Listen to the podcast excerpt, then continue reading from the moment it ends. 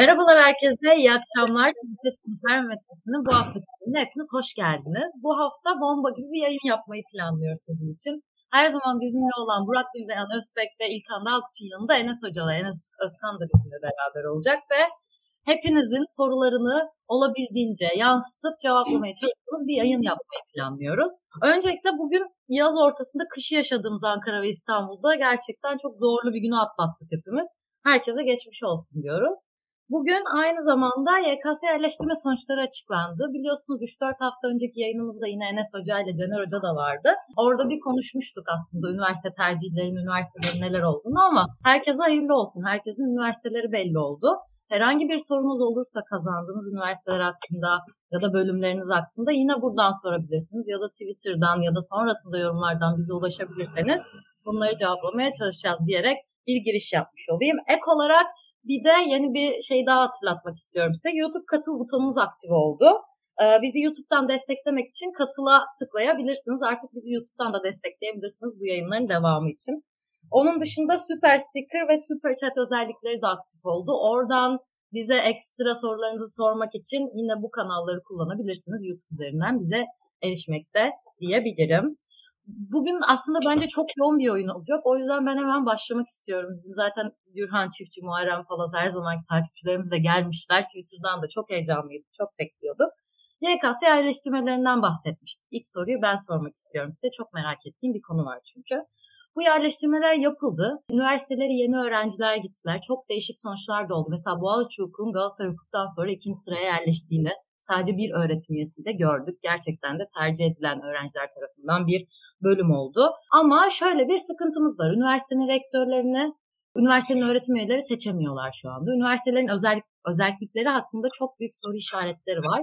Ve altılı masadan da parlamenter sisteme geçişte beraber bu adaletsizlikleri engelleyeceği sistemler de bekliyorduk. Aramızda iki akademisyen varken de ben bu soruyla başlamak isterim. Üniversitelerdeki durumu nasıl görüyoruz? Nasıl bir üniversite görmek isteriz? Şey, idealimizdeki üniversiteler nasıldır? Özellikleri nasıl geri kazanabilirler? Bu noktada da belki altılı masadan muhalefetten ya da başka bir şekilde nasıl bir sistem beklemeliyiz? Sizin fikirlerinizi çok merak ediyorum. Burak Hocam sizinle başlayabiliriz. Çok kapsamlı bir cevap gerektiren soru sordum. Topyekün üniversiteleri nasıl rehabilite edeceğiz sorusuna bir çırpıda verilebilecek bir cevap yok. Çünkü parça parça problemler var. Mesela kategorizasyonu doğru yapmak lazım. Merkez üniversiteleriyle taşra üniversiteleri arasında bence bir ayrım yapmak lazım. Vakıf üniversiteleriyle devlet üniversiteleri arasında başka bir ayrım yapmak lazım. Tıp fakültesi olan üniversitelerle tıp fakültesi olmayan üniversiteler arasında bence ayrım yapmak lazım. Dolayısıyla bu ayrımları yaparak ilerlemek daha doğru. Türkiye hakikaten akademik olarak çok sıkıntılı bir dönemden geçiyor. Bunu bizzat gözlemleyen birisi olarak söylüyorum. Çünkü kaynaklarını çok düşünmeden, iyi planlamadan dağıttı. E, bugün mesela Taşra Üniversitelerinde çok kıymetli akademisyenler olmasına rağmen yapılar bu akademisyenlerin potansiyelini ortaya koymalarına engel oldu. Üstelik üniversite kavramı da tamamen binaya ve bordroya indirgenmiş durumda. Dolayısıyla biz üniversitelerin verimliliğini belirli çıktılar üzerinden ölçemiyoruz. Mesela indeksli yayın burada çok önemli bir kriterdir ya da uluslararası kitap çok kriterdir. Özellikle sosyal bilimler için. Mühendislik, patent çok önemli kriterlerdir. Mesela bunlar üzerinden bir ölçüm yaptığımız zaman bu üniversitelerin aslında çok minimum kriterlerin bile gerisine düştüğünü görüyoruz. Ee, üniversiteler ciddi anlamda Adalet ve Kalkınma Partisi Genel Başkanı'na bağlı. Bir anlamda Cumhurbaşkanı'na bağlı ama bir yandan da Adalet ve Kalkınma Partisi Genel Başkanı'na bağlı. Dolayısıyla orada aynı zamanda Adalet ve Kalkınma Partisi Genel Başkanı'nı temsil ediyorlar. Ve 15 Temmuz'dan sonra tam bir cellatlık kültürü yerleşti üniversitelere. İnsanlar kiminle oturup kiminle kalktıklarına özellikle küçük şehir üniversitelerinde çok dikkat ediyorlar. Yani bir gün karşısına çıkabilecek bir yanlışta bulunmak istemiyorlar. Çünkü küçük şehirde bu ayrıntılara çok dikkat ediliyor. Aslında bunun romanı yazılmalı. O yüzden birbirine güvenmeyen, birbiriyle işbirliği yapmayan, sürekli olarak siyasi olarak doğru konumlanmak zorunda olan, bu yüzden enerjisini, zamanını, potansiyelini akademik iş üretmek yerine kurnazca doğru pozisyonlamak üzerine kullanan bir akademisyen profili var. Üstelik bu akademisyen profilde e, açıkçası siyasi sahiplerle kadro alan, o şekilde yükselen ve bu şekilde yükselmenin de hani bir strateji olduğunu benimseyen insanlar olduğu için genel itibariyle Taşra Üniversitelerinde akademi dışı konular konuşuluyor. Yani akademi en son konu. Aynı ekibi alıp devlet su işlerine de götürseniz aynı performans, aynı muhabbetler. Bir üniversiteye koysanız da aynı şekilde ilişkiler devam edecek. O yüzden ben taşra üniversitelerin büyük bir enerji kaybı, büyük bir kaynak israfı olduğu kanaatindeyim. Yine birçok vakıf üniversitesi aynı şekilde kapanmak üzere bana sorarsanız. Çünkü asgari maaşları bile ödeyemez durumdalar. Çünkü YÖK'ün düzenlemesine göre devletle eşit işe eşit ücret kriteri var. Yani devlet üniversitesinde bir yardım doçent kaç lira maaş alıyorsa bir vakıf üniversitesinde de o şekilde maaş almalı. Fakat buna birçok üniversite uymuyor. İstisna üniversiteler var. Uymayınca da tabii ortaya çok garip manzaralar çıkıyor. Yani bir bekçiden daha az maaş alan bir vakıf üniversitesi doçenti var mesela Türkiye'de. Bekçiden daha az maaş alıyor ve bu insanın kafası sürekli olarak başka dışarıya iş yapmakla meşgul. Çok mutsuz haliyle. Kıymet görmediğini düşünüyor. Ve vakıf üniversiteleri çok tehlikeli bir tuzağa çekiliyor. Bir yandan daha önce bir üniversitede çalışmış, emekli olmuş. Çok üretken olmayan, yani artık böyle bir kariyer yapma hırsıyla paper basmayan, makale yazmayan, kitap projeleri içerisine girmeyen akademisyenler, daha çok vakit geçirmek ve idari görev için orada bulunanlar ve doktorayı yeni bitirip sisteme girmek zorunda olan akademisyenler. Yani ya çok junior ya çok senior dediğimiz iki tip var ve orta yok yani. Türkiye zaten Adalet ve Kalkınma Partisi döneminde sürekli olarak merkezin eridiği, orta sınıfın eridiği, ne bileyim kariyerinin ortasında olan insanların acı çeken her şeyin merkezindeyseniz bir şekilde AKP Türkiye'sinde kaybediyorsunuz. Vakıf üniversitelerinde bunlar yok. Yani 29 yaşında yardımcı doçent ile 77-80 yaşında bir profesör arasında kimse yok. Mesela böyle söyleyeyim size. Çünkü bu maaşlarla onlar çalışmaya razı oluyorlar. Aileleri yok. Genç akademisyen bekar. Tek başına yaşayabiliyor. Yaşlı akademisyenin ikinci maaşı var ve hani çoluğunu çocuğunu büyütmüş. Hani 40-45 yaşında akademisyenin çok daha büyük dertleri var. O yüzden talebi de çok yüksek. E bu karşılanmıyor tabii. Bir de diğer meseleler var. İşte bu tıp fakültesi ağırlıklı olan üniversiteler ve olmayan üniversiteler. E ya şöyle sosyal bilimlerde ciddi anlamda bir e, ya sosyal bilim ağırlıklı üniversitelerde ciddi anlamda bir safsata ve proje çılgınlığı yaşanıyor. Safsata tamamıyla siyasi angajmanlar veya çok seksi kültür medeniyet muhabbetleri üzerinden ilerleyen belagata dayanan bir bilim tarzı ortaya çıkıyor. Özellikle muhafazakar akademisyenler arasında. Bu bir sorun. Dediğim gibi onlar genel itibariyle evrensellik kavramına da karşı oldukları için bu indeksli dergi olsun, uluslararası yayın evi olsun onları zaten kriter olarak kabul etmedikleri için ve üçüncü dünyacı bir bakış açısıyla onları bir sömürge mekanizmasının enstrümanı gördükleri için gerek de duymuyor. Ölçemiyorsunuz adamları. Yani bugün şu Twitter'da gördüğümüz bir akademisyen var ya, Yer Kaplan'ın eşinin kardeşi.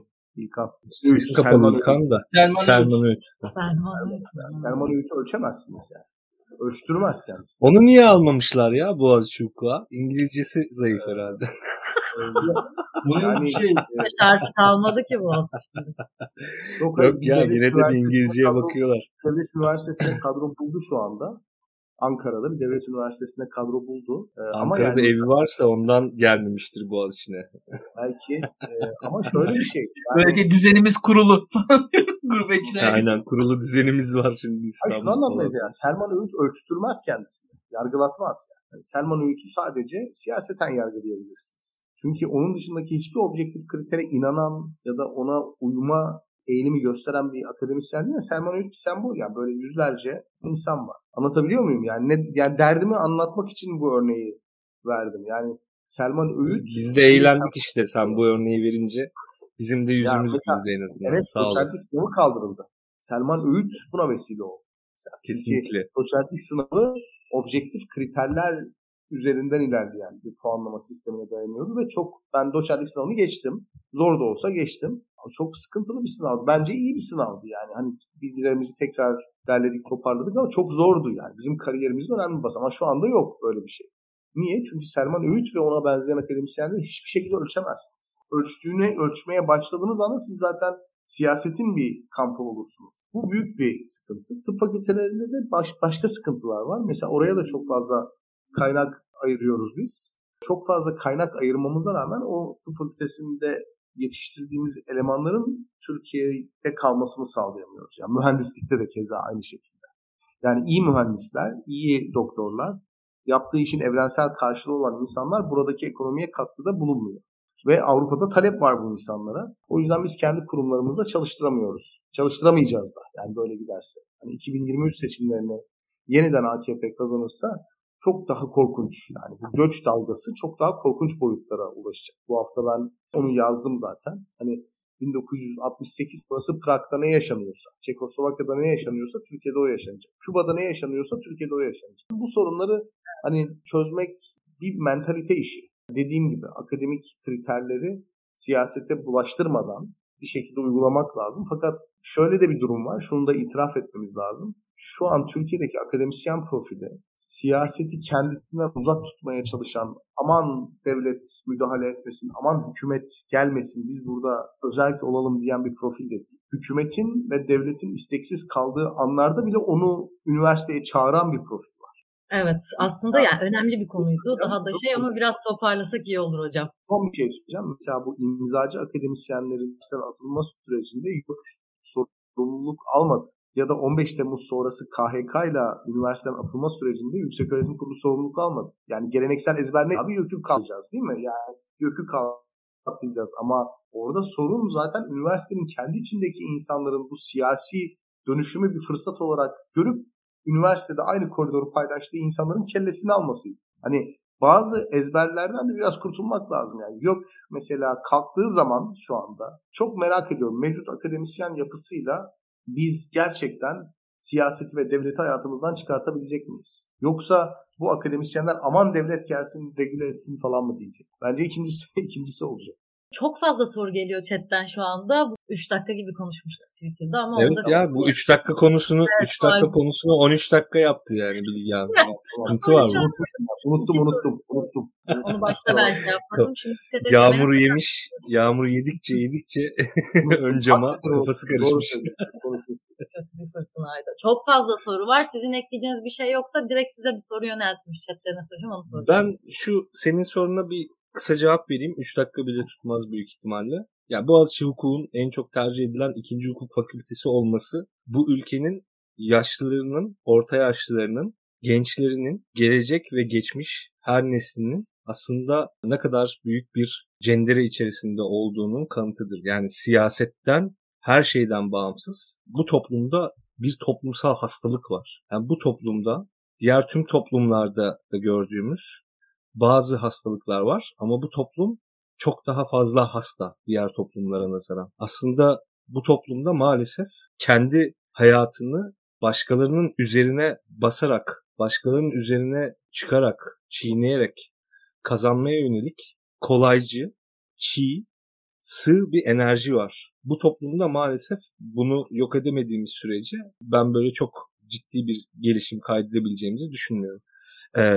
2023 seçimleri, önümüzdeki seçimler Bilgehan'ın söylediği gibi sadece Küba olmamızı, Venezuela olmamızı vesaireyi engeller. Onun haricinde benim zaten bir hayat memnuniyetsizliğim vesaire yok. Ama bu Boğaziçi hukuk seçen taşra çocuklarının veya işte onlara o bölümü seçtiren taşra ailelerinin o taşrada daha fazla kalamayıp önce büyük şehirlere sonra da kendilerinin de yurt dışına doğru kapalı atma diye tabir edebileceğimiz Türkiye'den sadece tek gitmek için tek yol olan taşınmak vesaire değil kapağı atmak, kaçmak yoluna e, yönelmelerine sebep olur. Bu Türkiye için bir utanç bence. Tüm üniversitelerimizin hali ortada vesaire ama ben Boğaziçi mezunlarının bile çocuklarının Boğaziçi hukuk yazdığı bir toplumdan ne gibi bir şey bekliyoruz, e, beklemeliyiz. Hiçbir şey anlamıyorum, bilmiyorum. Zaten Daktilo 1984'ün kuruluş amacı da biraz bu. Bu toplumdan kolektif toplumsal hareketler beklemekten ziyade bireylerin, kimi noktada elitlerin, kimi noktada da aslında belli küçük grupların biraz daha toplumsal hayatta kendi ağırlıklarınca söz hakkı ol, e, sahibi olmasını sağlayabilmek. Bu çiğ, sığ çoğunluğun biraz daha söz hakkının gerçekten ne derler ona artık hak ettiği nebzede kullanılmasını sağlamak gibi düşünebiliriz. Türkiye üniversiteleri hakkında da başka bir şey söylemeye gerek yok zaten biz bizi izleyenler veya bizim arkadaşlarımız veya biz sorunların ne olduğunu gayet farkındayız ama gerçekten bu Boğaziçi hukuk mevzusu inanılmaz komik bir durum. Bunun böyle olacağını zaten tahmin edebiliyorduk. Çünkü Boğaziçi bir yandan da marka. Nihayetinde markaya da teveccüh var. Ama bu kadar hakikaten net bir şekilde bunun böyle karşımıza çıkacağının karşımıza çıkması yani gerçeği çıplak bir şekilde bize gösteriyor. Onun için utanç duymalıyız diyebilirim. Ama bu arada Boğaziçi Hukuk'ta da bir tane öğretim üyesi yok. Bir sürü böyle kelli felli okumuş etmiş diyebileceğin 4-5 e, hatta 7-8 tane falan adam var. Araştırma görevlileri vesaire de var. Onlara bir şey demezsin de sağdan soldan zaten hala hazırda işi olup burada çalışmayı kabul etmiş tiplere hiçbir saygım, güvenim vesaire yok. Bunlardan hukukçu da olmaz. Hiçbir şey de olmaz. Gitsinler orası bir üniversite değil zaten. O fakülte bir fakülte değil. Yayın evi gibi işletsinler orayı. Okuyup okuyup yazsınlar. Başka da bir işe yaramazlar zaten. Bu konu sizi oldukça sinirlendirmiş. Ben onu fark ettim.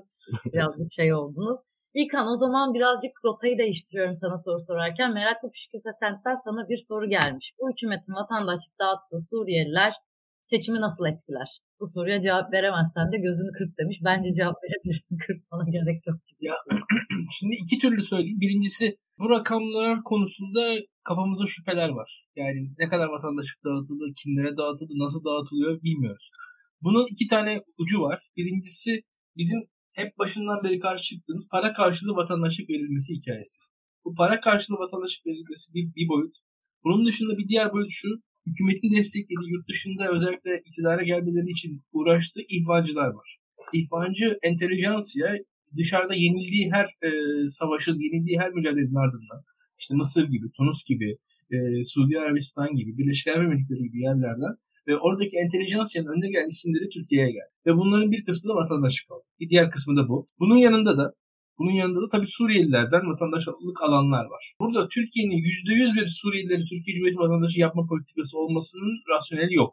Neden yok? Çünkü o Suriyelilerin hepsi Türkiye Cumhuriyeti vatandaşı olursa Türkiye'nin Suriye'ye müdahale e, hakkı yok olur zaten yani en basitinden. O yüzden bu hükümetin öyle bir niyeti olduğunu düşünmüyorum. Ama bu demek değil ki vatandaşlık yapma niyetleri olmasın. Ama şu şartlar altında öyle kitlesel bir vatandaşlık hareketinin gerçekleşebileceğine çok inanmıyorum. Burada muhalefetin de vatandaşları Kılıçdaroğlu'nun e, yoluyla sakinleştirmeye çalışmasının doğru bir yol olarak buluyorum ama e, o çabanın daha şeffaf olması gerekiyor. Şeffaf olursa bizleri de inandırabilirler. Bunu, bunu söyleyebilirim. Bunun dışında da farklı yollar denenebilir. Vatandaşlık konusu bence önemli. Yani bir Türkiye Cumhuriyeti'nin biliyorsunuz e, şey var sosyal sigorta sistemi, sağlık sigorta sistemi birçok masrafı karşılıyor. Sırf bu yüzden bile vatandaş olan insanlar var Türkiye Cumhuriyeti'ne. Ve bunu dikkat etmek lazım. Bu, buradaki Türkiye'nin sosyal sigorta sistemini kullanmak açısından sadece para karşılığı vatandaş olan insanlar da olabiliyor. Ve bu da bizim Türkiye Cumhuriyeti vatandaşlarının aslında haklarının yenmesi anlamına gelecektir diye düşünüyorum. Henüz daha farkında değiliz bunların. Yakında farkına varacağız. Bu para karşılığı vatandaşlık uygulamalarının ben tüm dünyada yok olacağını düşünüyorum açıkçası gelecek e, süreçte. Hatta yani çok daha en azından istisnai noktalara gelecektir. Portekiz bu konuda en birinci örnek dünyada, en başarılı örnek gibi gözüküyor. Portekiz'de de başarısız gidiyor. Türkiye'de de buna kesinlikle dur denmesi gerek. Açık net. Yani bu iş nedir? E, çok spesifik alanlarda, spesifik kişiler için yani bir sanatçı birisi için, sporcu birisi için vesaire belki bir istisnai karar vatandaşlık adına alınabilir ama bunun dışında böyle böylesine kolayca vatandaşlık değiştirilmesini çok da e, uygun görmüyorum. Yani çifte vatandaşlık meselesinin bile ben açıkçası tartışmalı olduğunu düşünüyorum. İşte Almancılara ve bizim verdiğimiz mavi kartlar falan bunların hepsinin üzerinden tekrar geçilmesi gerekiyor. Türkiye'nin bu kavramların hepsinin tartışması gerektiğini düşünüyorum. Ben henüz seçimin sonucunu etkiler mi? Ondan emin değilim ama mesela şu var işte Kilis gibi Mersin gibi yerlerde belki vekil dağılımlarını etkileyecek faktör olabilir diye düşünüyorum şu anki demografiye baktığım zaman. Yani evet şeydi Burak Hocam siz bir şey eklemek ister misiniz? Çünkü bugün yine yeni bir şey açıklandı bu konuda da. Bireysel emeklilik sistemine 500 bin dolarlık bir yatırım yapana mı vatandaşlık verilecekti? Sanki öyle bir şey okudum. Yeni bir sistem evet. çıktı parayla vatandaşlık bitsin derken siz ne eklemek istersiniz bu konuda? O bir süredir var zaten. Bu gelen para bizim ulusal refahımıza da çok katkıda bulunan bir para değil. Mesela para getiren kişi Türkiye'de yatırım yapmıyor. Türkiye'de bir fabrika açmıyor. Türkiye'ye bir teknoloji getirmiyor. Türkiye'de bir istihdam sağlamıyor. Para getiren kişi işte Türkiye'de bir şekilde belediye rantıyla dikilmiş gökdelenlerden 50 tane daire alıyor. İşte bundan birkaç ay önce İran'da patlayan bir skandaldan bahsetmiştik. Skyland'de işte bir sürü daire alıyor bir bürokrat. İran'da patladı bu. Independent Farsça servisi patlattı bu skandalı. Türkiye'de hiç mesele olmadı. Şimdi bu insanlar bizlerin oturacağı evlere gelip oturuyorlar. Bizim yaşadığımız emlak piyasasını yükseltiyorlar. Ve üstelik getirdikleri para hakikaten Türk ekonomisinin genel gidişatını olumlu etkilemektense olumsuz etkileyen bir para. Yani yatırıma dönüşmüyor, buradaki firmaları güçlendirmiyor, bizi daha iyi bir teknolojiyle buluşturmuyor. Hali hazırda var olan kaynakların satışından ibaret bir politika var. Yani 2000'lerin ilk 10 senesinde nasıl var olan kamu kurumları bir şekilde apar topar satıldıysa şu anda aynı politika devam ediyor. Çünkü bir sermaye girişine ihtiyacımız var anladığım kadarıyla ve otoriterleşmeden mütevellit biz bu sermaye girişimin girişini sağlayamıyoruz. Yani tahmin edilemez nereye savrulacağı bilinmeyen bir idare olduğu için buraya uzun vadeli bir yatırım gelmiyor ve bu sermaye açığını kapatmak için de olabildiğince Orta Doğu'nun, Afrika'nın, Asya'nın yozlaşmış bürokratlarını yani kendi halklarını soyan kendi halklarının parasını kendi kişisel mülkiyetine çeviren insanların paralarını değerlendirdikleri bir ülke haline geliyoruz. Üstelik bu insanlar burada çok rahat kapı açabiliyorlar. Çok rahat bir şekilde işlerini halledebiliyorlar. Ve bu aynı zamanda işte belli bir bürokratik ve politik elitin rüşvet çarkının işlemesini beraberinde getiriyor. Aynı zamanda bu insanların parasının aklanmasını beraberinde getiriyor. Bu insanların daire aldığı müteahhitler genel itibariyle hükümete yakın müteahhitler. Onlar bir şekilde hükümete sadakatlerini sürdürüyorlar. Fakat genel olarak biz olumsuz etkileniyoruz. O yüzden hani bu para karşılığı vatandaşlık meselesi hakikaten üzerine gidilmesi gereken bir konu. Biz Türkiye'ye gelen insanlara baktığımız zaman mafya babaları, yozlaşmış bürokratlar, karanlık kişiler, terör örgütüyle bağlantılı hani dünyanın bazı bölgelerinde terörist olarak adlandırılan kişiler Türkiye'ye geliyor. Yani bu aslında hepimizin güvenliğini tehdit eden bir durum. Hani insanlar hani genel itibariyle bu göçmen ve sığınmacı meselesinde sokaktaki insana öfkelerini yönlendiriyorlar. Buna bir şey demiyorum yani. Ben bu bu bu bu şekilde düşünmüyorum açıkçası. Asıl tehlikenin daha büyük olduğu kanaatindeyim ve böyle bir öfke patlaması, travmatize edilerek sokakta belli bir kimlik grubunun daha zayıf üyelerine yönelen bir tepkiyi açıkçası çok manasız buluyorum. Yani bugün göçmen sığınmacı meselesinin bayraktarlığını yapan partilerin biz dilinden bu meseleleri hiç duymadık yani. Hani böyle bu kara para Türkiye'ye giriyor. Hani çok istihbaratçı pozları var ama aslında orada konuşulacak çok önemli bir mesele var. Biz kadınların saçını başını çeken Pakistanlı TikTokçuları konuşuyoruz. Yani Pakistanlı TikTokçu konuşmaktan ve nefret etmekten, travmatize olmaktan asıl meseleyi konuşturmuyorlar bize. Bana öyle geliyor. Asıl mesele bambaşka bir yer. Türkiye çok ciddi anlamda bir kara para merkezi oldu ve vatandaşlık da bir anlamda bu insanlara bir güvenlik sağlıyor. Evet. Enes Hocam size bu soruyu yöneltirken Özgür Özer'e size bir sorusu olmuş. Onunla birleştirip şey yapmak istiyorum. İktidar ekonomik bir mucizeyle seçimde avantaj elde edebilir deniyor. Bu mucize ne olabilir? Bu vatandaşlık mucizelerden biri olabilir mi? Sizce ne olur ekonomik olarak da baktığınız zaman?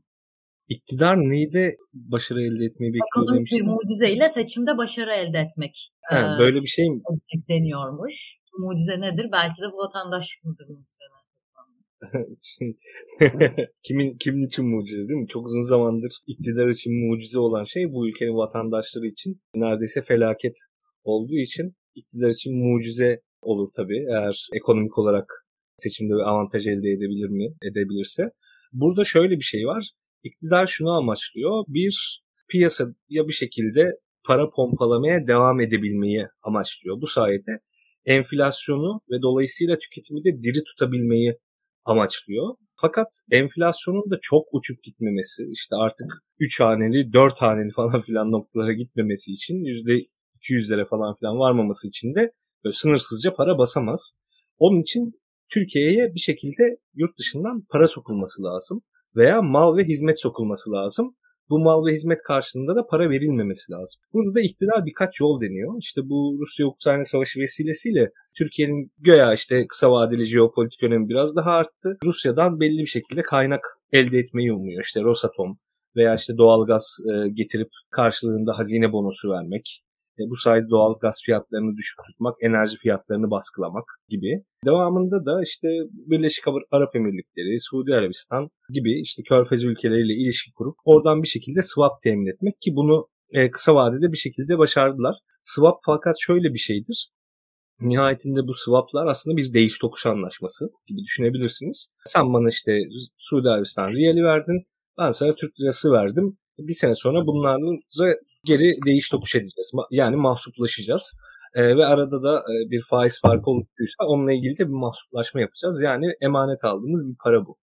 Fakat seçime kadar işte bunu böyle sürdürmeyi arzu ediyor iktidar. Fakat bu nereye kadar sürebilir, nasıl sürebilir sorusunun cevabı bence çok negatif iktidar açısından. Çünkü iktidar seçime kadar dahi bu sistemi sürdürecek kadar bir meblağı bence toparlayamaz. Orada da şöyle bazı hesaplar yapabiliriz. Bizim işte dış ticaret açığımız aylık 10 milyar doları buluyor. Seçime kadar olacak cari açığımız da işte hizmet gelirlerini şunları bunları falan filan kattığımızda aşağı yukarı 50-55 milyar dolar falan gibi bir para olacak. Bu 50-55 milyar doları biz hala hazırda ihracatla karşılayamıyoruz. Çünkü en baştan beri şeyleri neydi? Biz ihracatımızı o kadar çok artıracağız ki Türkiye'ye ithal ettiğimiz üründen daha fazla ihraç edeceğiz. Türkiye'ye dolayısıyla net olarak baktığımızda dolar girecek. Fakat bunun gerçek olmadığı görüldü. Hatta biz bu sürekli ihracat, ithalat bu sistemle devam ettiğimiz sürece şey gözüküyor. E, biz dış ticaret açığımızı daha da artıracağız gibi gözüküyor. Bu 55 milyar doların ucu aslında biraz daha açık, biraz daha da gidebilir. Fakat buradan ihracatla kapatamıyoruz. İşte Rusya'dan gelecek 15 milyar dolar, 20 milyar dolar. İşte Suudi Arabistan'dan gelecek 20-25 milyar dolar falan gibi paralar konuşuluyor. Bu vesileyle bunları döndürmeyi hedefliyoruz. Ben ama bunun dahi çok gerçekçi bir hesap olduğunu düşünmüyorum. Fakat burada kritik bir şey var. İktidara ekonomik bir mucize mi lazım sorusu. Şimdi Özgür'ün sorusunda seçimde avantaj elde etmesi için ekonomik bir mucizeden bahsediliyor. Ben bunun gerçekleşmeyeceğini düşünüyorum. Fakat şöyle bir şerh koymak lazım.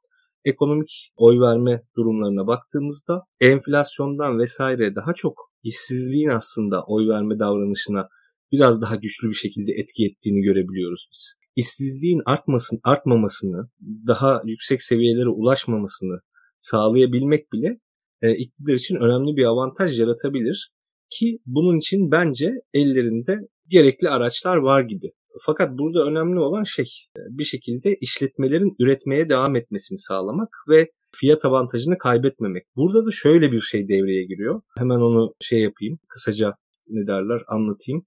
3 dakikayı biraz geçtim sanırım Pırıl ama istersen böyle şey yapabilirim. Buradaki ama onu tamamlayın tabii ki. Bu soruya da aslında benzer bir cevap olduğu için oradan yürüyeyim ben de. İşsizliğin artmaması için enflasyonu dediğim gibi artırıyorlar, besliyorlar. Çünkü ihracattan gelen bir para yok, dışarıdan gelen bir kaynak yok, dış yatırım yok ya da işte sıcak para bile yok, portföy yatırımı falan filan bile yok. E ne yapmaları lazım bu sefer? İşsizliği düşürmemek için tüketimi, iş tüketimi e, canlı tutacaklar. E, dış talebe bakıyoruz. ihracat hani gene gidecek ya Avrupa'da işte bir resesyonun başlangıcı duyuluyor. Türkiye'de hali hazırda gene bir ekonomik e, durgunluk, yavaşlama ihtimalleri beliriyor. Buradaki tek avantajları işte dünyada emtia ve işte enerji fiyatlarında yaşanan biraz düşüş. Burada da şöyle bir sıkıntı var.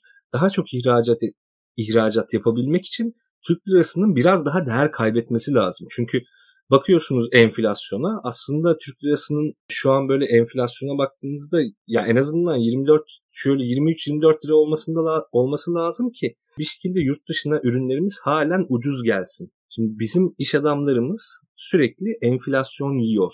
Üretici enflasyonu var ya ondan dolayı daha pahalıya mal üretiyor. Ama Türkiye'deki fiyatlar yani Türk lirası olarak artıyor doların fiyatı artmıyor. Dolayısıyla Türkiye'de üretilen malların ve hizmetlerin fiyatları dolar olarak da artıyor. Bir süre sonra daha da böyle devam ederse yani enflasyon artıp Türk lirası değerini bu şekilde korumaya devam ederse bu sefer Türkiye'deki üreticiler fiyat avantajını kaybedecekler. Zaten bizim dünyadaki neredeyse tek avantajımız fiyat avantajı. Herhangi bir e, verimlilik ya da çok üst düzey teknoloji üretme durumumuz şu an yok. E, tabii ki bu gruba giren mallar vesaireler üretiyoruz ama genel ihracatımızın deseni öyle değil. Onun için iktidarın biraz doların ucunu bırakması lazım ki ihracatı desteklesin, ihracattan mal gelebilsin. Yoksa biz böyle enflasyonla işte değerli Türk lirası arasına sıkışıp ihracat yapamayacak bir ülke haline geleceğiz. Bu da çok daha büyük cari açığa sebep olacak. Zaten borçta bulamadığımız için bu sefer ödemeler dengesi krizine girebiliriz. Yani şu an Türkiye ekonomisinin geleceği doların değer kazanmasına bağlı gibi saçma sapan bir durum ortaya çıktı ve bunu böyle herhalde istesen zor yaparsın. Bunu böyle bir şekilde önümüze koydular. Afiyetle diyelim seçime kadar diyorum. Seçim demişken önümüzde bir seçim var. Berke Tuna'nın da birazcık seçimle alakalı bir soru olmuş hepimize. Özdağ ve İnce hareketleri demokratikleşmenin önünde engel olabilir mi diye sormuşlar. Yani bu konuda çok fazla çok fazla farklı görüş ve düşünce var. Bu konuda ne deriz genel olarak? Bu hareketler seçimde güçlü hareketler olacaklar mı? Ya da olsalar da demokratikleşmenin önünde engel midir? Bunlar Burak Hocam sizinle başlayabiliriz. Ya şöyle aslında demokratikmiş gibi gözüküyor bu hareketler. Çünkü temsil edilmemiş bir halk kitlesinin siyaseten temsilini amaçlıyorlar ve bunların asıl söylemi siyasetin ana akım partilerinin sokaktan haberi olmadığı, sokakta apayrı bir dalganın yükseldiği üzerine. Yani Ankara partileri o kadar yozlaşmıştır ki işte bu partiler kendi iç hesaplarına o kadar yoğunlaşmıştır ki halkın gerçek gündemini unutmuştur. Halkın gerçek gündemi aslında büyük bir işte mülteci sorunu vardır. Bu dalga yükselmektedir ve bu dalga Ümit Özdağ tarafından dile getirildiği için siyaseten bir şekilde karşılık bulmuştur. Aslında işte Muharrem İnce'nin mesela aslında meselesi daha çok CHP ile alakalı. O da hani CHP'nin son derece elit bir politika izlediğini, asıl CHP seçmeninin CHP genel merkezinde temsil edilmediğini iddia ediyor. Ya bunların aslında demokratikleştirici bir tarafı var. Temsil edilmeyen halk kitlelerini siyasete taşımak, orada bir temsil sağlamak gibi bir rol oynayabilirler. Ama bana sorarsanız bu insanların temsil edilmeyen bir halk kitlesini temsil etmek gibi bir dertleri yok. Tam tersine kendilerinin kurguladıkları halk kitlesini ya da halk ya da toplumsal grupları ya da halkı öyle diyelim kurgulamak gibi, onu örgütlemek gibi ve varmış gibi sunmak gibi bir görevleri var. Yani baktığımız zaman aslında işte Ümit Özdağ'ı destekleyen dijital milliyetçilik dediğimiz sosyal medya mecralarında aslında sıfır maliyet. Mesela 1970'lerin milliyetçileri çok ciddi maliyet ödemişlerdir. 1970'lerin komünistleri de çok ciddi maliyet ödemişlerdir. Çünkü teşkilatlanmak çok zor bir iştir. Sokaklara çıkmak zor işlerdir. Çok maliyetli işlerdir. Yani 1970'lerde solcu olmak ya da sağcı olmak çok maliyetli bir iştir. Bu maliyetten dolayı 80'li yıllarda hani ailelerimiz evden çıkarken bize 80'li 90'lı yıllarda aman oğlum siyasete bulaşma falan diyor. Çünkü siyaset maliyetli bir iştir. Fakat yani şu anda mesela Uber Ümit Özdağcı olmanın ya da Uber devrimci olmanın hiçbir maliyeti yoktur yani. Sosyal medya hesabı açarsınız. Birkaç tane işte konuşan insanı gözünüze kestirir. Onun açığını ararsınız. Küfür edersiniz. Küçük düşürmeye çalışırsınız. Yani günümüzde siyasallaşma böyle bir şeydir. Dolayısıyla o dijital milliyetçilik aslında çok kurgusal bir halk da yaratır. Yani bugün Muharrem İnce'nin ve Ümit Özdağ'ın aslında dijital mecralar üzerinde ilerlemesi ki çok ucuz olduğu için mali yani çok ucuz. Çok ana akım televizyon kanalına çıkamıyorsunuz ama sansasyonel bir beyanat verdiğiniz zaman herkes sizi konuşuyor.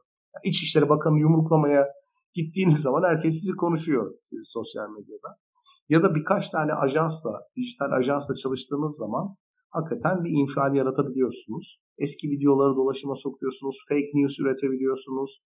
İnsanların ilkel duygularına hitap edip onları travmatize edebiliyorsunuz ve akıldan arındırarak seferber edebiliyorsunuz. Dolayısıyla gerçekten var olan bir toplumsal tepkiyi mi temsil ediyorlar yoksa bu insanlar olması gereken bir toplumsal tepkiyi mi organize ediyorlar ondan emin değilim. Benjamin Moffitt ikincisini söylüyor. Laclau da ikincisini söylüyor. Yani ortada lideri bekleyen, lidersiz kalmış, onu bulduğu anda gözleri ışıldayan bir halk yok. Tam tersine bu insanlar kendi halklarını yaratıyorlar, onu kurguluyorlar. O yüzden hani var olan bir talep varsa eğer toplumda benim görebildiğim kadarıyla ana akım siyasi partiler bunu zaten temsil ediyor. Yani herkesin düşündüğünün aksine Ümit Özdağ'dan önce bu meseleyi gündeme Kemal Kılıçdaroğlu soktu. Yani geçtiğimiz sene yaz aylarında Afganistan üzerinden Türk-Amerikan anlaşması olmak üzereyken Türkiye'nin Afganistan'a asker yollamasına Meral Akşener karşı çıktı. Kemal Kılıçdaroğlu da bu anlaşmanın neticesi olarak Türkiye'ye gelebilecek göçmenlere dikkat çekti. Ama bu insanlar küfür, kafir, kıyamet böyle hani insanları seferber edip insanları çıldırtacak derecede öfkelendirmek gibi bir strateji izlemedikleri için sosyal medyada dikkat çekmiyorlar. Yani sosyal medyanın alamet farikası herhangi bir şeyi zaten çok abartılı bir şekilde söylemek. Yani sevgilisi olan çok mutlu olmak zorundadır. Yani sevgilisiyle böyle sarmaş dolaş 7-24. Güzel bir yemek yiyen en güzel yemeği yemek zorundadır. Yani sosyal medyada dikkat çekmek için bu böyle böyle bir şeydir yani. Dolayısıyla göçmen meselesine dikkat çeken politikacı göçmenlere yönelik en vulgar dili kullanan politikacı oluyor. Dikkat çekiyorlar ama bu var olan bir toplumsal talebi temsil ettikleri anlamına gelmiyor. İkinci olarak da bu insanlar yani ultra nationalist, ultra milliyetçi veya ultra kemalist gruplar aslında demokratikleşmeyi değil otoriterleşmenin üzerine oturduğu milli güvenlik söylemini tahkim etmek için de seferber ol, olabilirler. Yani e, işte son Mehmet Ali Çelebi meselesinde de bunu gördük. Yani bugün HDP ile yakınlaşma meselesi ya da muhafazakarlarla yakınlaşma meselesi veyahut yeteri kadar yani yakınlaşmayı bırakın yeteri kadar kemalist olmama, yeteri kadar milliyetçi olmama meselesi bu insanlar tarafından e, ciddi anlamda eleştirilebilir. Yani İyi Parti'nin yeteri kadar milliyetçi olmadığını vurgulayan ve onu daha milliyetçi bir noktaya iten bir Ümit Özdağ, Cumhuriyet Halk Partisi'nin yeteri kadar kemalist olmadığını, dolayısıyla onu daha kemalist bir noktaya iten bir Muharrem İnce figürleri de günün sonunda demokratikleşmeye değil otoriterleşmeye hizmet eder. Ve hepsinden önemlisi bu insanlar var olan huzursuzlukları en karikatürize şekilde temsil ettikleri için bütün yanlışların da bir şekilde ehvenişer olarak devam edip gitmesine de vesile olurlar. Yani mesela Kemal Bey'in e, herhalde en çok eleştirildiği kanal bizim Daktilo 1984'tür bazı açılardan. Mesela bu helalleşme söylemi. Ama helalleşme söylemini çok eleştiriyoruz. Helalleşme ben çok eleştiriyorum.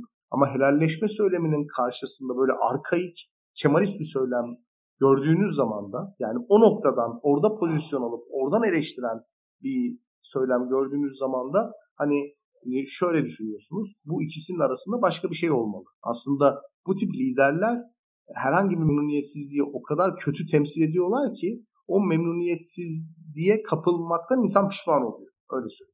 O yüzden ben demokratikleştirici güçler olduğunu düşünmüyorum. Evet. Burayı tam da Ümit Özdağ'dan bahsetmişken, Suriyeliler, mültecilerden bahsetmişken, Türk Türkiye'nin Suriye politikasıyla alakalı iki tane soru gelmiş İlkan aslında. Bunları birleştirip sana sormak isterim. Herhangi bir iktidar değişimi de Suriye politikası nasıl etkilenir? Yeni Türkiye'nin güvenliğine bu politikalar nasıl etkiler demişler. Bir de şu andaki sığınmacılara dönelik bir şiddet var. İktidar değişiminden önce, şu andaki dönemde ve iktidar değişiminden sonra bu şiddet artar mı? Ne düşünüyorsunuz Şimdi bir defa Türkiye'nin Suriye politikasının iki bağlamı var. Birincisi PKK e, hani Suriye Kürtleri bağlamı. İkincisi e, Suriye'de muhalefeti ve radikal İslamcı, ihvancı bağlam. Şimdi bu iki bağlam birbirinden ayrı. Fakat Türkiye'de hükümet değiştikten sonra Türkiye Cumhuriyeti'nin hükümeti e, muhtemelen muhtemelen değil kesinlikle Esad'la görüşecek. Esad'la görüşmesinde hangi noktada bir anlaşma sağlanacağı önemli. Ve bu anlaşmanın ne kadar Suriye Kürtlerine nasıl bir kabullenme sağlayacağı önemli diye düşünüyorum. Ama bir anlaşma sağlanabilir bence. Zaten şunu söylemek lazım. 2000-2010 arasında Irak'taki statükoyla mücadele etmeye çalışan bir muhalefet ama Irak'taki statükoyu kabul etmeye çalışan bir hükümet vardı ve o hükümeti galip getirdi.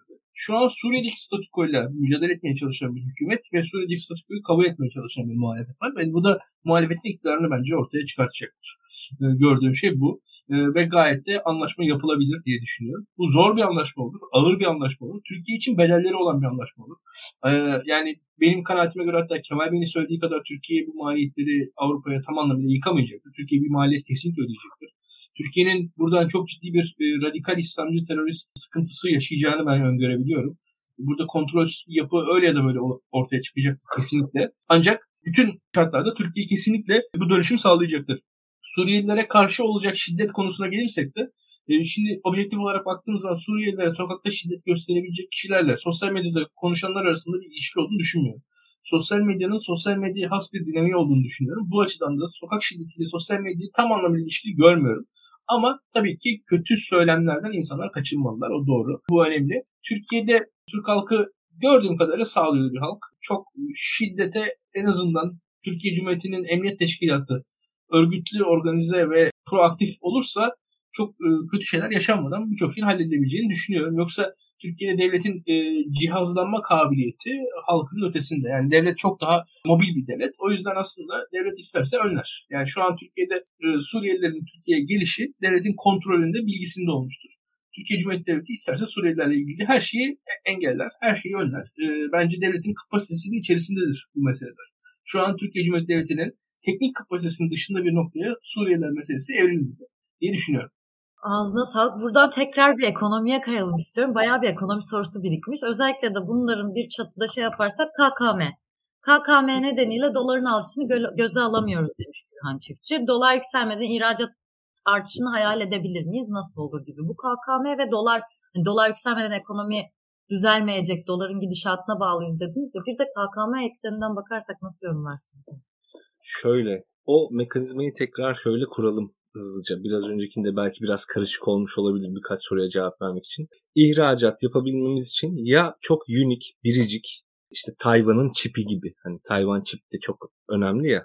Çip falan gibi bir şey üretmeniz lazım. Ya da dünyayla fiyat açısından veya lojistik maliyetler açısından rekabet etmeniz lazım. Lojistik maliyetler açısından Avrupa'ya ihracat noktasında Türkiye iyi bir noktada. Ama unik ürünler, biricik ürünler hali hazırda üretmiyor genel olarak ihracatında. Onun için fiyat rekabeti yapması lazım. Fiyat rekabeti yapması için de ya enflasyonu düşürecek, üretici daha ucuza mal edebilecek ki bu çok mümkün değil. İşçi ücretleri vesaire de sürekli yükseliyor. Ya da doların artışına izin verecek ki ihracat gitsin. Fakat Türkiye'yi öyle bir cendereye soktu ki iktidar, Gürhan'ın söylediği doğru. KKM hazinenin üzerine büyük büyük eğer dolarda bir artış olursa da KKM yüzünden hazinenin üzerine ciddi bir maliyet binecek.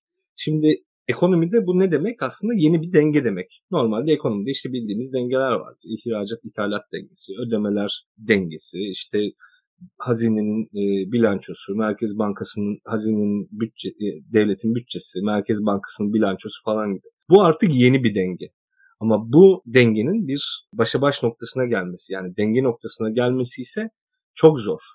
Çünkü her iki durumda da ülkedeki vatandaşlar büyük bir zarar görecek. Doların yükselmesine izin verirseniz insanlar tüketiminden kısmak zorunda kalacak. Aynı zamanda işte enerji maliyetleri vesaire falan filan yine ihracat tarafında girdi maliyetleri de biraz artacak. Ama doların yükselmesine izin vermezseniz de bu sefer e, ihracat tarafında zayıflama olacak. Zaten hala hazırda dış talepte zayıflama yavaş yavaş gelmeye başladı. Bu sefer de üreticiler işçi çıkarmak zorunda veya işte ücretsiz izin şu falan gibi yollara tevessül etmeye başlayacaklar. Bu nedenle ben iktidarın aslında ikincisini tercih etmeyeceğini bir şekilde iş gücünü desteklemek için doların artışına enflasyonun da yükselmeye devam etmesine izin vereceğini düşünüyorum. Bunu da şuna dayandırıyorum tekrarlarsam. Oy verme davranışını etkileyen en önemli ekonomik veri işsizlik verisi.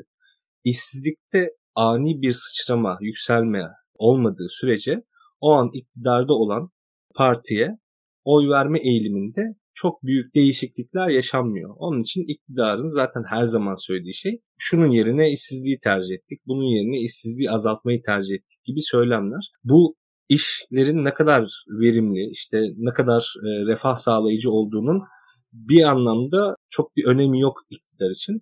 Sadece insanların o an, o ay eline biraz para geçsin ve bu insanlar iş başında olsunlar yeter. Onun için ben dolardaki artışa oyumu kullanıyorum ve dolarda yukarı gidişe iktidarın izin vereceğini düşünüyorum. Ama tabii bunu birden yapmazlar. Hani yavaş yavaş yavaş yavaş şu an zaten doları nasıl tutuyorlar? İşte o bahsettiğimiz swaplar şunlar bunlar. Bunları da böyle rezerv yakarak aslında tutuyorlar.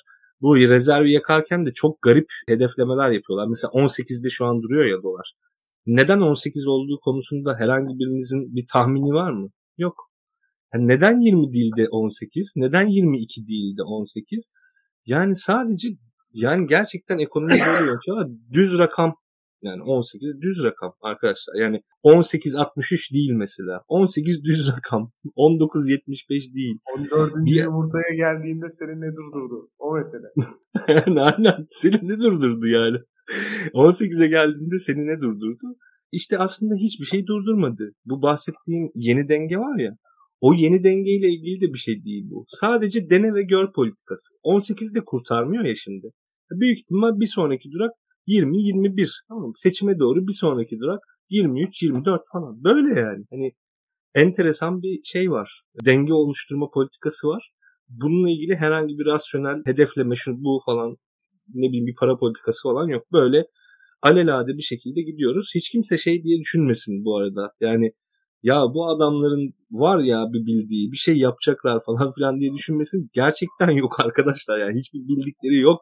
Yani baya ne yapılabilirse o gün onu yapıyorlar sadece. İşte Suudi Arabistan'a gidip 5 milyar dolar istenebilecekse Suudi Arabistan'a gidip 5 milyar dolar istemek ekonomi politikası o gün için. İşte ertesi gün faizler düşürülecek. Çünkü işte ihracatçı kan alıyor, daha ucuz kredi istiyor. O gün faizler düşürülür. Bir sonraki gün Tayyip Erdoğan faiz sebep enflasyon sonuçtur der. Ertesi gün sonra derlerse ki ya bunu bir müddet söylemeyin. İşte bir ay onu söylemez. 30 gün söylemez. 31. gün gene söyler falan. Günlük, anlık, saatlik şeylerle ilerliyoruz. Seçime kadar ama bunu biraz en azından dediğim gibi işsizlik noktasında götürmeye ilişkin bazı potansiyeller görülüyor. Fakat enflasyonun durmayacağı, işte dolar artışının durmayacağı da aşikar. Bakalım sonuç ne olacak aslında ekonomik açıdan Türkiye için. Yani evet ekonomi her yayında konuşmak istediğimiz bir konuydu zaten. Siz de çok güzel özetlediniz şu an ders niteliğindeydi yine ağzınıza sağlık. Size Burak Hocam size şey verirken Muharrem Palaz'la Ernesto Che'nin sorusunu birazcık harmanlayıp vermek istiyorum ben burada. Muharrem Palaz şeyi sormuş. Devlet perverlik milli beka hakkında etrafında toplanan kişiler var. Bunlarda mafya var aralarında, ulusalcı var, asker var, polis var. Bunun hakkında ne düşünüyorsunuz bu insanlar hakkında? Bu gerçekten milli bekayı önemseyen insanlar mıdır demiş. Aynı zamanda da şöyle bir şey gelmiş. Seçime bu kadar yaklaşmışken de Erdoğan bir kutuplaşma ve gerginlik yaratabilir mi? Bunun için de yine milli beka ve din söylemlerini kullanabilir mi? Bu ikisini beraber armağanlar. Evet kullanabilir. Yani şu anda başka bir oyun kalmadı. Bunları kullanacak. Yani bunları kullanma, kullanmak da zorunda artık.